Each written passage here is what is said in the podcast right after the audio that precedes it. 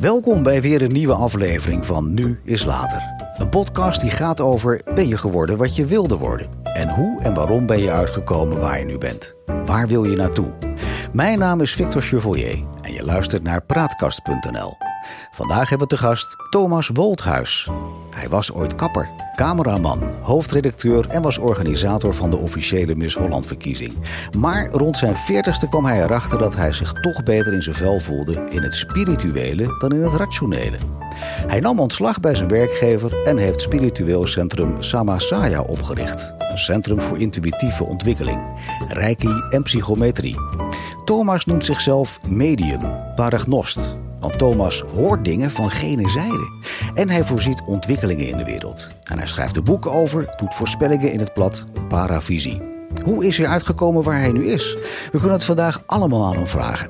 Sterker, we kunnen vandaag alles aan hem vragen. Want hij is hier bij ons in de praatkast. Hartelijk welkom, Thomas.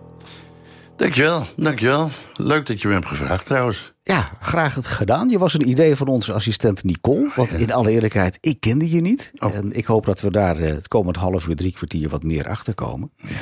Ehm, dit is een podcast die gaat over carrières. En, en, en een van mijn eerste vragen is altijd...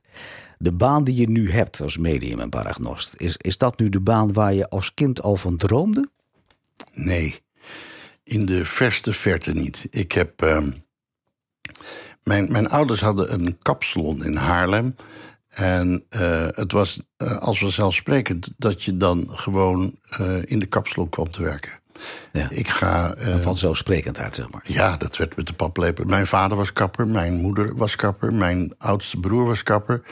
Dus ja, dan, dan, dan word je vanzelf ook kapper. Dat is gewoon zo. En dat, dat werd ook zo gedaan. Ik mocht afrekenen, ik mocht krullen vegen. En ik, eh, ik mocht, eh, eh, later mocht ik zelfs haren wassen. Nou, dat was een hele, hele Dat was stap. wel een hele stap vooruit.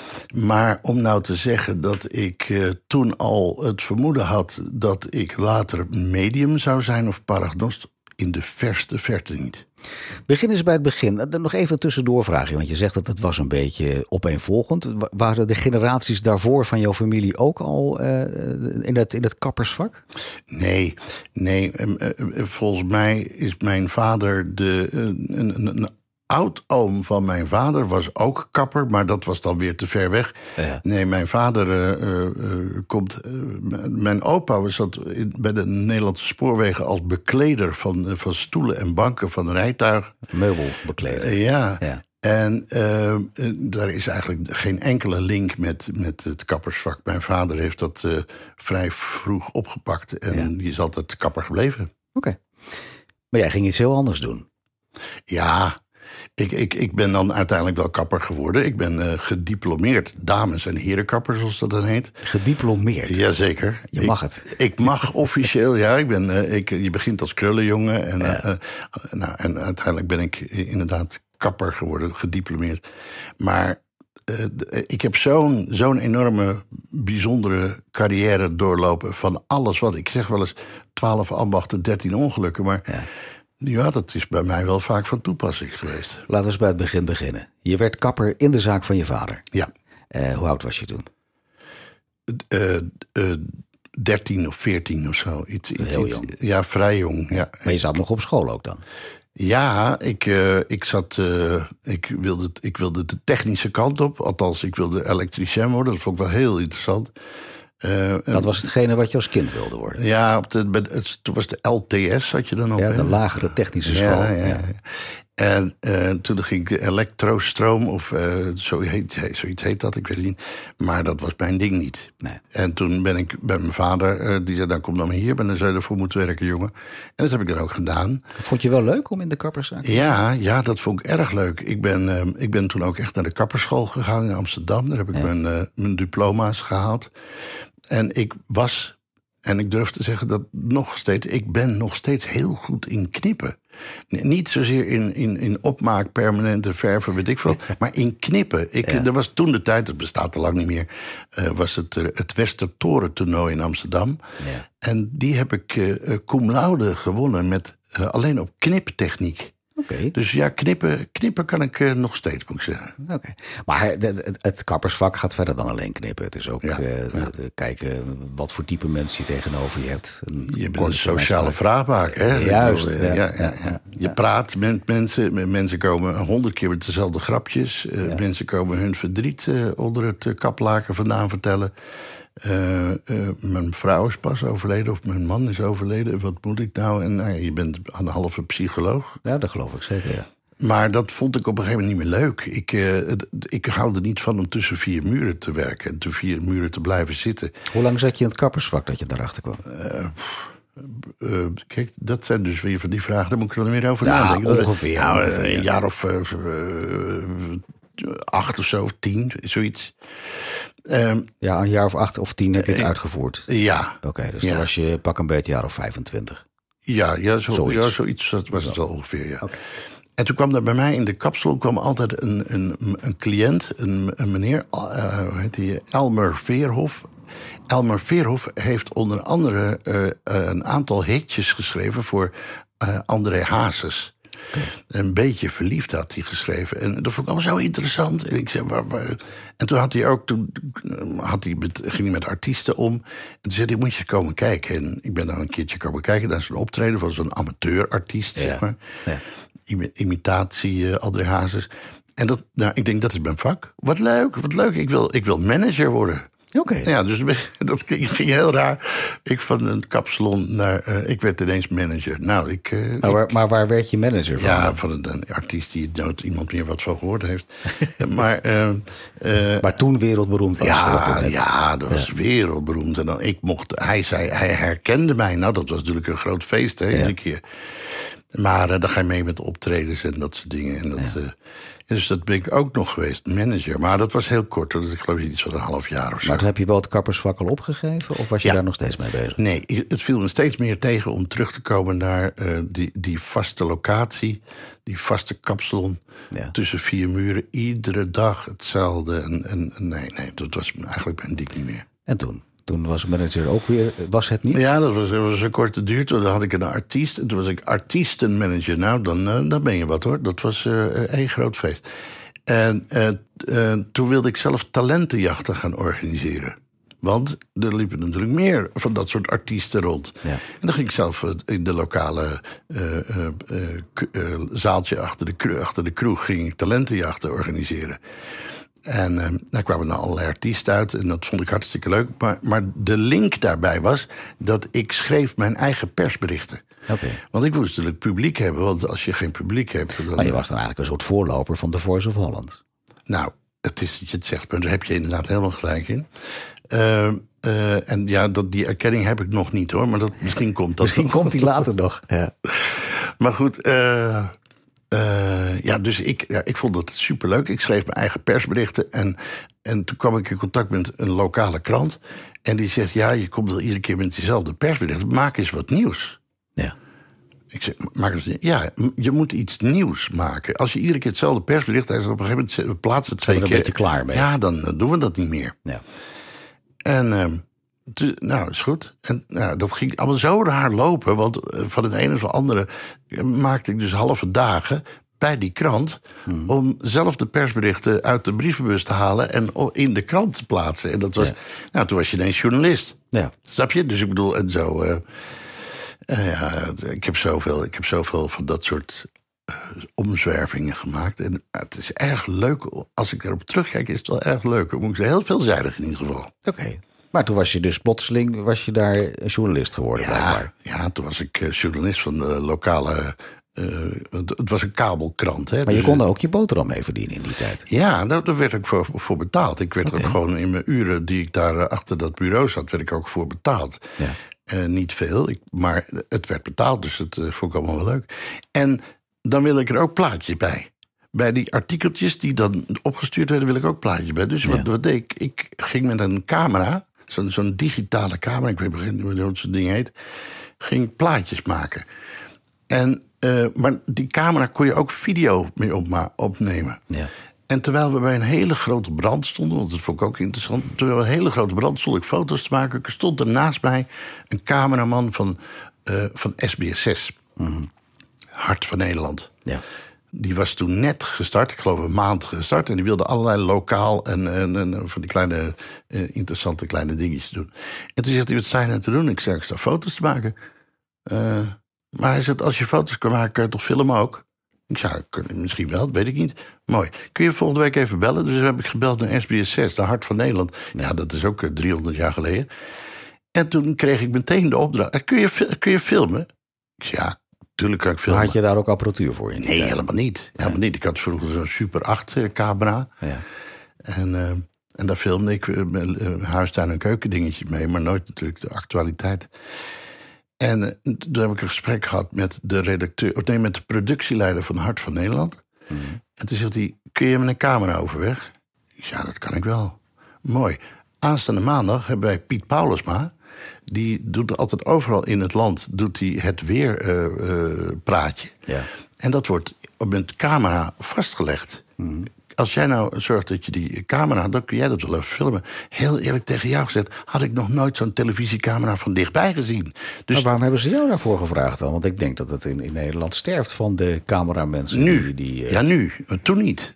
Want daar praten we terug over 20, 25 jaar geleden of zo. Dat, uh. Hoe lang is dat geleden dat SBS6 begon? Ik heb geen idee. Uh, 1989 geloof ik dat in ieder geval RTL Veronique startte. Maar wanneer SBS begon is, dat ben ik ook even klaar. Nee, dat maakt op zich niet zo uit. Het was wel zo dat het Hart van Nederland... Ik sprak het eh, standaard ook verkeerd uit. Ik noemde het ook altijd het, gat van Nederland. Maar het was het Hart van Nederland. Vonden ze niet leuk dat nee. ik dat iedere keer zei. Uh, maar uh, toen moest ik dus. Uh, ik zei, maar ik heb geen professionele camera. Mm. En toen zegt ze: nee, dat is geen probleem. Dat regelen wij natuurlijk, want uh, wij zijn de televisieomroep en wij regelen dat jij die camera krijgt. En toen heb ik gezegd: mag ik hem dan vrijdag al hebben? Dan kan ik dan, want ik moest maandags, moest ik meteen het weer opnemen. Ja. dat, dat is één ellende. Want dan heb je een, camera van 20 kilo op je schouder. en je mm. weet niet waar het aanknopje zit. Beken je dat? Dus, waar zit de aanknop? En toen heb ik een cameraman gebeld in Amsterdam. En toen vertelde ik, ik zei, ik heb een camera, maar ik weet er niks van. Ah joh, dat is helemaal geen probleem. Dan moet je gewoon eerst even, je moet even witten. Ik zei, witten? Ja, de witbalans, zo heet dat dan. Hè? Mm. Even witten. Nou, ik heb alle knopjes gezocht, er stond nergens bij witte. Dus ik, nou, er is een hele nare, heel naar weekend geweest. Maar uiteindelijk inderdaad de maand... Ben je er ooit achter gekomen dan waarom SBS voor zo'n bijzondere route gekozen heeft? Want jij kende hun niet, zij kennen jou niet. Je hebt geen ervaring en je gaat het werk doen. Uh, de policy van Hart van Nederland was... we willen uh, bij de mensen uit de achtertuin de, het nieuws. En omdat we een netwerk willen opbouwen vanuit uh, heel Nederland. Maar waar haal je cameramensen vandaan? Als iemand pretendeert dat hij een camera kan vasthouden, weet je wat, dan gaan we met jou in zee. Totdat blijkt dat het verkeerd is, dan dumpen we jou. Dan, ga je gewoon voor jou een ander. En ik heb het schijnbaar toch wel erg goed gedaan. Want ik heb toch wel een jaar of tien volgehouden bij, uh, bij SBS 6, bij Hart van Maar had je daar dan ook een dagtaak aan? Ja, daar had ik echt een fulltime dag, dagtaak aan. En, en, was dat dan als ZZP'er of was je in uh, loondienst daar? Ja, dat is een heel verhaal. Dat zal ik je besparen. Doe niet. Ja, doe maar ja. niet. Maar hou het even kort, in een ik, paar zinnen. Ik, in een paar zinnen. Ik was zelfstandige. Ja. Maar ik werd, uh, volgens de flexwet, werd ik gezien als uh, werknemer. Ja, omdat je eigenlijk maar één opdrachtgever had. Precies. Ja. En nou, dat is een heel, hele nare. Dat zelfs processen, want op een gegeven moment wilden ze stoppen met eenmanszaken, zoals dat ja. heet. En daar was ik er een van. En dat, ja, toen kwamen ze erachter dat ik al meer dan tien jaar uh, als zelfstandige daar werkte. En dat mocht niet. Dat mag dat niemand bij SBS ook wakker geworden is. Nee, hebben ze toch ook nee. een fatsoenlijke uh, Precies. Uh, personeelszakenafdeling, lijkt mij. Maar het heeft mij geen windeieren uh, opgeleverd, moet ik oh, zeggen. Vertel. Nou, ze moesten mij uitkopen. Ja. Van de afgelopen tien jaar. Dus uh, vakantiegeld, uh, uh, loonbelasting enzovoort. En om dat dan af te kopen, moesten, ze, moesten ze flink over de brug. Maar betekende dat ook aan het einde van je dienstverband toen voor het SBS in die periode? Ja. ja Weet je dat... ongeveer in welke jaren we nu zitten? Oh, we zitten nu rond 2000. Uh, ja, 1995, 2000, zo. Rond, de jaar, rond toen de, de, de euro zijn intrede deed. 2002. Ja, toen zat ik nog bij SBS 6. Oké. Okay. Dus uh, nou, rond 2002 stopte Ja, dan zit je 2003, 2004, ja, die, die jaren zo'n zo, zo, ongeveer. Okay. En in die periode heb ik dan, was ik dan... Uh, ben ik, daarna ben ik dus weggegaan bij, bij Hart van Nederland. Maar je was al die jaren cameraman. Uh, voor maar één programma? Dat het programma van Piet Paulus maar. Nee, nee, nee. Piet Paulus was een onderdeel van Hart van Nederland. Eh, je was wel voor Hart van Nederland? Ik was voor Hart van exclusief Nederland. voor Hart van Nederland? Ja, nou, exclusief. In zoverre in de weekenden draaide ik voor uh, Veronica. Mm. We hadden toen 112 Weekend. Dat was zo'n ja. zo zo calamiteitenprogramma. Uh, ik heb ook voor RTL gedraaid. Maar ook uh, programma's als De Week van Willebroord. Oh, met de ja, hè, heb, ik, niet uit, hè. eh, heb ik ook eh, over prikkeldraad heen moeten springen met mijn camera... omdat de politie achter ons Nou, je aan hebt dat tien jaar volgehouden. Wat eh, vond je daar ook terugkijkend leuk aan? Wat was, wat was het, De- het fijne van die? Het van die- gevarieerde. Ik kon, ik kon werkelijk eh, met alles en iedereen kun je in contact komen. Als cameraman zeer zeker. Een verslaggever moet nog wel eens achter de hekken blijven. Maar als je voor de televisie werkt, moet de cameraman er wel zijn. Ja. En die moet het wel laten zien. En dat vond ik zo mooi. Ik ben, eh, en dat vind ik wel leuk, ik ben al, al vanaf kleins af aan was ik gek op Barry White. Ja. De, de, de, die, die, eh, prachtig, met die prachtig mooie zware stem. En ehm You're the first. You're the first, the last. My En, eh, everything. ja. Ja. En eh, wat gebeurt er? Op een gegeven moment hoorden we via shownieuws... want het was toen met Albert Verlinde... deed toen bij eh, SBS6 nog eh, shownieuws... Mhm. hoorden we dat Barry White in Nederland kwam. En toen heb ik alles op alles gezet. Ik wilde dat item draaien. Ja. En eh, dus we gingen dan naar Rotterdam, naar het Hilton. En daar was Barry White. En, en daar heb ik dan voor het eerst eh, hem mogen ontmoeten. Mijn, eh, mijn idool. Mijn idool van- Ja, man, dat is kicken. En dan stond je... Dan was hij in Ahoy. Zat, moest je dan s'avonds optreden. En nou, ik ben een hoop bravoer met zo'n grote camera op, me, op mijn schouder. Ja. En iedereen... Oh, kijk, er loopt SBS 6. Helemaal fantastisch. En de lichten gaan uit in de zaal. En er gaat één spot aan en die gaat op het podium en die richt op Barry White. En dan hoor je in de stem: Ladies and gentlemen, this is Barry White. En, nou, en ik stond te klapperen. Echt, ik was helemaal te shaken, man. Echt, mijn camera ging, werkte niet en dat ging allemaal helemaal mis. Ik was nog nooit zo nerveus geweest. Maar dat is geweldig, ja. Dat is echt top. Ja. Maar toch heeft iets jou doen besluiten om te stoppen met dat vak. Eh, ja, eh, nou ja, televisie, nogmaals, ik ben gestopt omdat ze af wilden van eenmanszaken. En dus ben ik gestopt bij de televisie. Althans bij SBS 6. Eh, maar ik had wel voldoende ervaring. Ik was natuurlijk eerst als cameraman, later als senior producer. En toen ben ik verhuisd naar Alkmaar. En daar, werd, daar hadden ze een lokale omroep. Nee, een provinciale omroep. En nou ja, in, in het land der blinden is één oog koning. En ik kom natuurlijk bij de grote televisieomroep SBS 6. En nou, ik mocht daar meteen, werd meteen aangesteld als hoofdredacteur. Dus ik werd hoofdredacteur. En dat was een betaalde baan ook in dat was een fulltime eh, betaalde baan, ja. Oké. Dus eh, nou, toen kwam ik dus eh, aan de andere kant van de televisie. Toen is aan de andere kant op, op kantoor. Maar dat was iets heel anders dan dat je deed. Ja, televisie maken do- doe je met z'n allen. En, en of je dan met de camera loopt of eh, hoofdredacteur, je bent altijd met deadlines te maken, met, eh, met, eh, met monteren, met, met, eh, eh, met het inzetten van cameramensen. Eh, eh, Het is super gaaf. Ja, maar tegelijkertijd, je zegt van, van ik heb dat met tien jaar veel plezier mogen doen. Eh, je vertelt dat je eigenlijk er een beetje mee gestopt bent. Om, om, de, om reden dat er arbeidsjuridisch wat dingen veranderden. Ja. Eh, dan word je hoofdredacteur, maar ik vind dat toch wel wezenlijk andere functies. ja, ik had geen hoofdredacteur geworden van een krant. Nee, Ik, ik werd hoofdredacteur er van moest een wel dynamiek in zitten. Er Precies. moest wat gebeuren. Ik Ja. werd hoofdredacteur van een, van een televisieomroep. Weliswaar Ja. een provinciale, maar het was een televisieomroep.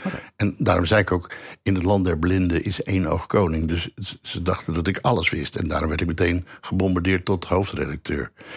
Maar dat, dat heeft niet een lang leven beschoren. Want ik, ik, ja, dat was toch ook mijn ding niet. Ik, ik bleef een beetje zoekende. Ik was eigenlijk, ben ik mijn hele leven zoekende geweest naar de ideale baan. En die heb je nu. Ja, ik, ik, ja, wat ik nu doe. Nou, even één stap terug voordat we die stap gaan maken. Ja. Want je was hoofdredacteur. Ja. Eh, hoe lang heb je dat mogen doen daar dan in het noorden van het land? Dat is ehm, misschien een jaar of zo. Niet zo lang. Nee, niet zo lang. Ehm, En toen was jij klaar of waren zij klaar met jou? eh, ik was klaar met hun en toen ben ik daar gestopt. En ik woonde in Alkmaar en aan de overkant van mij, in de, waar ik woonde, daar was een, een rederij. En, eh, van, van parties en eh, weet je, zo- zo'n partyschip hadden ze dan. En, en, eh, nou, en er werden feesten gegeven en rondvaarten. En mijn naam is Wolthuis. Ja. En die rederij aan de overkant, dat was Woltheus. Nou, Enfin, ik was klaar met die televisie. Ik heb zelf ontslag. waar dit, waar dit verhaal heen gaat. Ja, hoor. ja, dat was spannend. Dat was heel spannend. Ja. En dus ik was klaar met die televisieomroep. En op een gegeven moment zei ik van... En, en toen ging ik aan de overkant informeren. Ik zei, eh, jullie zijn Wolthuis Cruises. Ja. Ik zei, mijn naam is Thomas Wolthuis. En ik zeg, eigenlijk ben ik op zoek naar een baan. Ik zeg, misschien kunnen we iets doen met publiciteit. Omdat ik natuurlijk uit de televisiewereld kwam. Eh, kunnen we iets doen? Ja, vond ze heel interessant. En bla, bla, bla. Ik werd daar dus gewoon manager. En als dat de telefoon ging, vond ik ook wel leuk. Als de telefoon ging, nou, met Thomas Wolthuis. Dan werd er gezegd, ah, ben meneer Wolthuis zelf. Maar dat is dus niet het geval. Maar ik heb daar dus ook maar een jaar gezeten of twee jaar. Maar het klinkt een beetje alsof je eigenlijk van het ene in het andere rolt. Nou, dat klopt. Dat, ja, dat klopt. Ja. Maar dat ook mensen jou daarvoor vragen. Ja. En, en is dat ook echt zo? Ja. Of, want Ja. het klinkt voor mij wel een beetje ongeloofwaardig. Wel, Ja, ik, ik, ik, ik, eigenlijk heb ik nog nooit echt gesolliciteerd naar een baan. Niet. Nee. Ik, ik heb een keer gebeld van, zoeken jullie iemand? Ja, Ja. kom maar langs. En poef, ik had die baan. Ik, echt een sollicitatie. Ik weet niet eens hoe een cv eruit ziet. Ik, ik, ik, heb, ik weet niet wat het is. Je komt er op LinkedIn dus niet voor. Nee, nee, dat weet ik zeker. Nee. Nee, dat weet ik zeker. Dat ik daar niet in voorkom. Ehm, nou, afijn, ehm, ik heb nooit gesolliciteerd. En ik, eh, ik heb, daarom zei ik in het begin ook al... ik ben eentje wat 12 van macht 13 ongelukken. Ja, maar blijkbaar ben je verbaal zo krachtig dat je je wel makkelijk kunt profileren. En, en, en eigenlijk ook aanvoelt wat die andere kant nodig heeft. Ja, Ja. ja. En daar, en daar ben je dan goed in.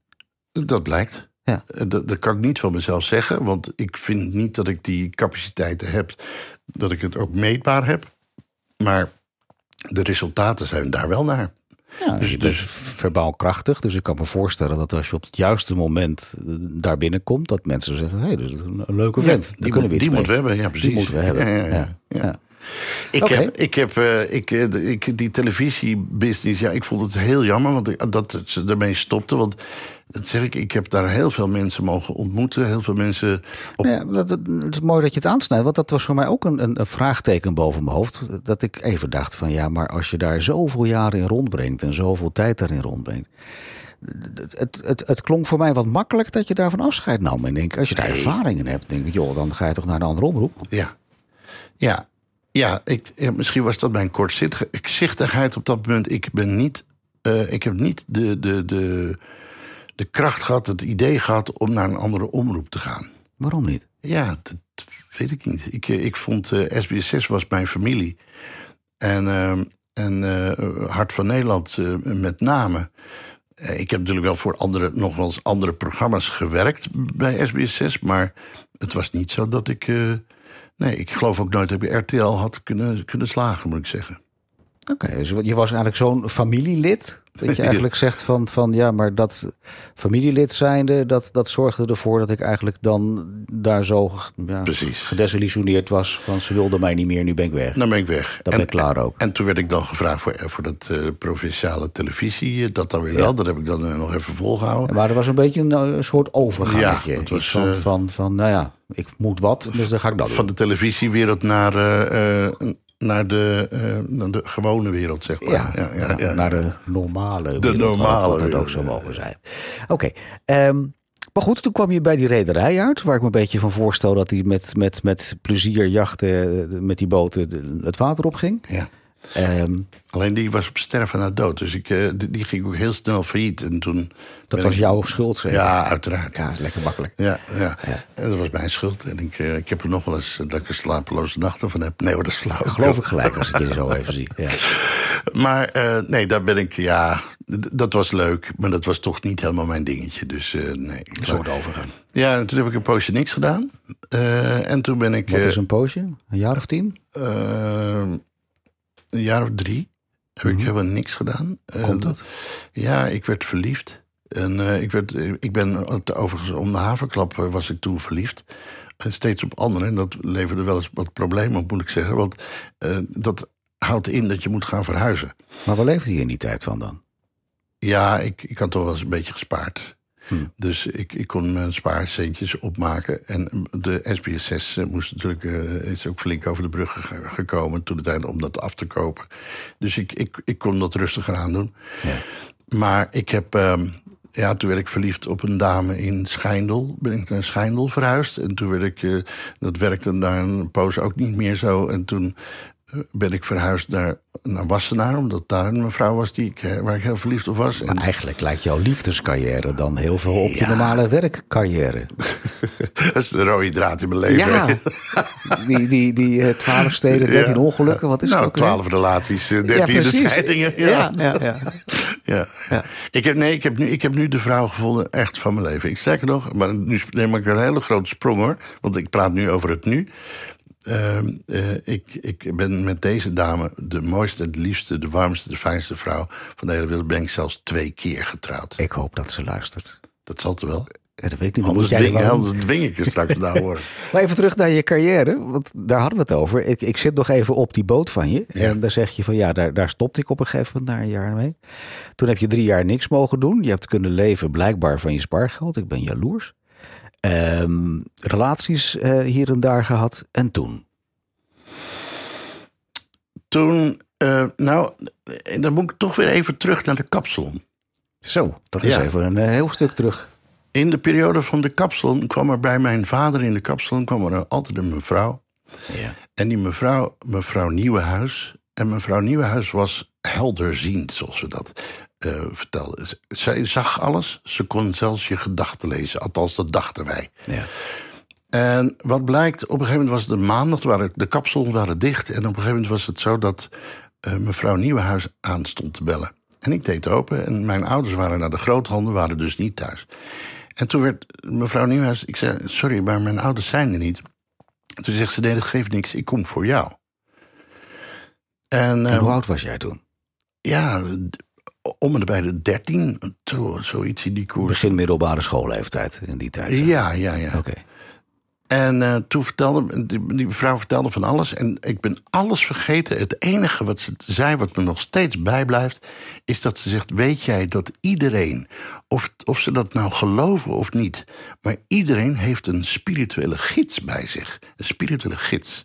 De katholieken zeggen dat je dan een, eh, een eh, beschermengeltje Een bij je hè? ja. En, nou, en toen zegt ze: En jouw gids is broeder Bernardus. Onthoud het maar. En hij staat nu achter je. Dus ik kreeg helemaal kippenvel over mijn hele lijf. Ik zei, dus ik overal kijken. Nou, ik zag dus helemaal niks. Ja, op die leeftijd zeker. Als je Ja, 13 die, bent, dan eh, is dat... eh, Flauwekul allemaal. On- Trouwens, ik vond het ook allemaal onzin ook. Ik geloofde er helemaal niet in. En zeker op die leeftijd niet. En later nog niet. Maar goed, dus even die terug, sprong terug naar dus die kapsalon. Wat ik nu doe, ik ben nu... eh, ik pretendeer nu medium te zijn. Snap ik, wil ik het graag zo over Oh. hebben. Maar ik wil nog even terug naar het verhaal dat je dus eigenlijk die drie jaar niks aan het doen was. Ja, Eh, kwam toen op dat je, dat je medium werd? Nee, nee. Ik, ik eh, had mijn hele leven lang had ik al dat ik dingetjes zag die ik niet kon verklaren. Noem eens wat. Ge- geef eens aan wanneer je dat voor het eerst opviel. het allereerst was toen ik acht was, was mijn, overleed mijn opa. ja. En eh, mijn ouders vonden het blijkbaar eh, tijd eh, genoeg nu om eh, mee te gaan naar een begrafenis. Ja. En ik stond op de begraafplaats samen met mijn ouders en allemaal mensen die ik niet kende. En, ehm, en ik sta een beetje verdrietig naar die kist te kijken. Het was voor mij iets heel engs, want ik denk, zo'n kist, ik had dat nooit eerder gezien natuurlijk. En wat gebeurde er? Ik hoorde mijn opa tegen mij praten. En Wat deed dat met jou dat jij dat dacht? nou, ik kon het eigenlijk niet zo goed plaatsen. Ik denk, ja, ik, hoor, ik weet niet, meer wat hij zei hoor, maar het- hij- ik hoorde hem echt praten. En, eh, en toen ging ik Het naar. was geen verbeelding, zeg maar. Nee. Ik, ik, ik hoorde duidelijk de stem van mijn opa en hij zei iets tegen me. Ik weet nog goed niet meer wat. En toen gingen we naar huis, en toen, na de begrafenis. En toen zei ik tegen mijn moeder: Mama, ik hoorde opa praten op, het, op de begraafplaats. En dat was mijn eerste confrontatie, denk ik, achteraf gezien. Dat ik dingen hoor die een ander niet hoort. En mijn moeder vertelde toen: Geef niks zo jongen, we zijn allemaal verdrietig. Dus het werd een beetje onder het Gebagatelliseerd. Absoluut. En- en, een beetje onder het kleedje geschoven. En ik heb er verder nooit aandacht meer aan uh, willen besteden. En ik heb dat ook nooit gedaan. En dan, maar door de jaren heen, door de jaren heen, komt er steeds kleine dingetjes. Dat je denkt, dat kan niet. Hmm. Uh, ik voelde en ik zag dat mensen, vrouwen dan uh, zwanger waren of niet. en als ze me dat dan vroegen, of ze, hadden, ze waren in gesprek. En dan, en ja, daar zit inderdaad een baby in de buik. Of, en dat vind ik heel bijzonder, en dat heb ik nog steeds, kleuren. Ja. Aura kleuren. En weet je, ik ben heel eerlijk tegen je ik ben nu 61, maar ik heb, ik heb daar nooit in willen geloven. Ik, vind het, ik vond het heel eerlijk gezegd je reinste onzin. Er waren zelfs mensen bij die pretendeerden dat ze met, met dode mensen konden praten. Ja. Nou, dan moet je ophouden. Dan ben je toch wel zwaar geschift. Dat, dat, is, dat, dat is onmogelijk. Als je dood bent, dan heb je geen stem. Dan, hou, hou op. Dus je moest bij mij niet daarover beginnen. Ik, ik vond het ook raar, eng. En, ja. nou, maar dat kwam toch iets te vaak voor. Het komt iets te vaak voor. Maar het, we gaan nu een hele grote tijdspanning. Uh, ik blijf even doorhameren. We zaten in die drie jaar dat je niks aan het oh doen was. Ja. Uh, nu begin je over de opbouw waar het, het, het, het, het stukje medium in jou tot ontwaking kwam. Je vertelt een verhaal van je achtste met je opa, van je dertiende van die mevrouw die in de kapperszaak was. Mm een heel stuk tijdsgebied tussen. SBS, uh, eh, als carrière-idee, uh, 12 vrouwen. nou, 14, 14 vrouwen. Ik bedoel, je bent een knappe man, dus dat kan wel. 14 vrouwen. Um, maar als je dat dan zo meeneemt, wat, ik zit even te zoeken hè, waar, waar dan bij jou die opbouw komt. Want blijkbaar ben je nu uitgekomen waar je ja, moest zijn. Ja. Maar ik mis nog een stuk. Ja, begrijp ik. Ik, ik begrijp wat je bedoelt. Ik, ik moet zeggen dat ik uh, in, mijn, uh, in mijn latere carrière, dus inderdaad uh, als hoofdredacteur, had ik steeds vaker een confrontatie met het spirituele. Ja. En dat liep dan zijdelings mee. Overdag ben ik gewoon de cameraman of overdag ben ik gewoon de hoofdredacteur. Maar als er iemand binnenkwam, kon ik in één oogopslag... oeh, je bent op iets verkeerds aan. En dat zijn allemaal spirituele dingetjes die zich langzaam ophoopten. Geef nog even dat voorbeeld nog een keer. Wat, wat, wat zag je dan? Oh, ik, ik, uh, ik heb de, uh, het talent, weet ik niet. Ik heb het talent dat ik heel makkelijk aura's zie. Ja. En als ik dan iemand zie binnenkomen en ik kan dan in één oogopslag zie ik wat voor kleur aura's hebben. En daar, heb ik, daar koppel ik nu een bepaald gedrag aan. Maar dan eigenlijk zeg je, want het, geef even jouw definitie van aura. Ik wou het bijna zelf gaan invullen. Wat is nou jouw definitie van aura? Een aura is een, eh, is een heel simpel gezegd, is een elektrisch veld wat we, eh, wat we om ons heen hebben. Een, soort, een soort straling. Een straling. Een, een, een, eh, en, en die zie jij in kleuren? Die kan ik in kleuren zien. Okay. Uh, maar dat zag je vroeger ook al. De dus klassieke plaatjes van, van de heiligen, ja. die hebben allemaal een aureool. En daar, dat, dat, dat is symbolisch, dus zo'n aureool om iemands hoofd. Maar feitelijk heeft iedereen het om zijn hele lichaam heen. En ik zie het niet altijd, moet ik zeggen, maar als ik me er even op concentreer, dan zie ik een aura een eh, elektrisch veld om de mens heen. Maar, maar is, dat, is dat iets wat je dan in de loop der jaren steeds meer opviel, dat je dat op die manier uh, interpreteert? Dat dat daar dan. Uh... Ja, want als ik vroeg aan anderen van, jeetje, die, was, eh, die had een rode kleur bij zich. Dan stonden ze me aan te kijken. Maar wat is de symboliek van rood dan? Uh, nee, alsof groen of plaat of blauw. Maar die had een bepaalde kleur bij zich. En dan, dan niemand kon zich daarin herkennen.